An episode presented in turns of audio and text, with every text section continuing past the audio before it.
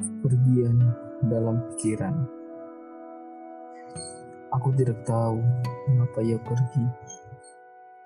Yang aku tahu hanya kisah bahagia yang pernah hadir sebagai cerita. Hidupku tinggallah kesunyian yang mengantarkan kebahagiaan. Aku tidak tahu dengan apa yang sedang engkau pikirkan di sana. Lagi pula, kisah ini sudah berakhir sebagai kenangan yang tidak bisa terulang kembali.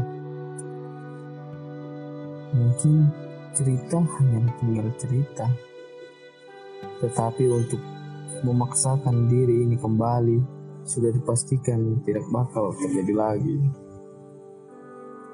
Tidurlah engkau di sana dengan tenang. Jangan risih dengan kesedihan yang selalu hadir bersamamu. Karena keputusan yang telah kita sepakati akan menjadi momok dalam pikiran yang selalu hadir tak menentu waktu. Pergilah, pergilah engkau menjauh untuk menjadi bunga mawar yang lebih indah lagi.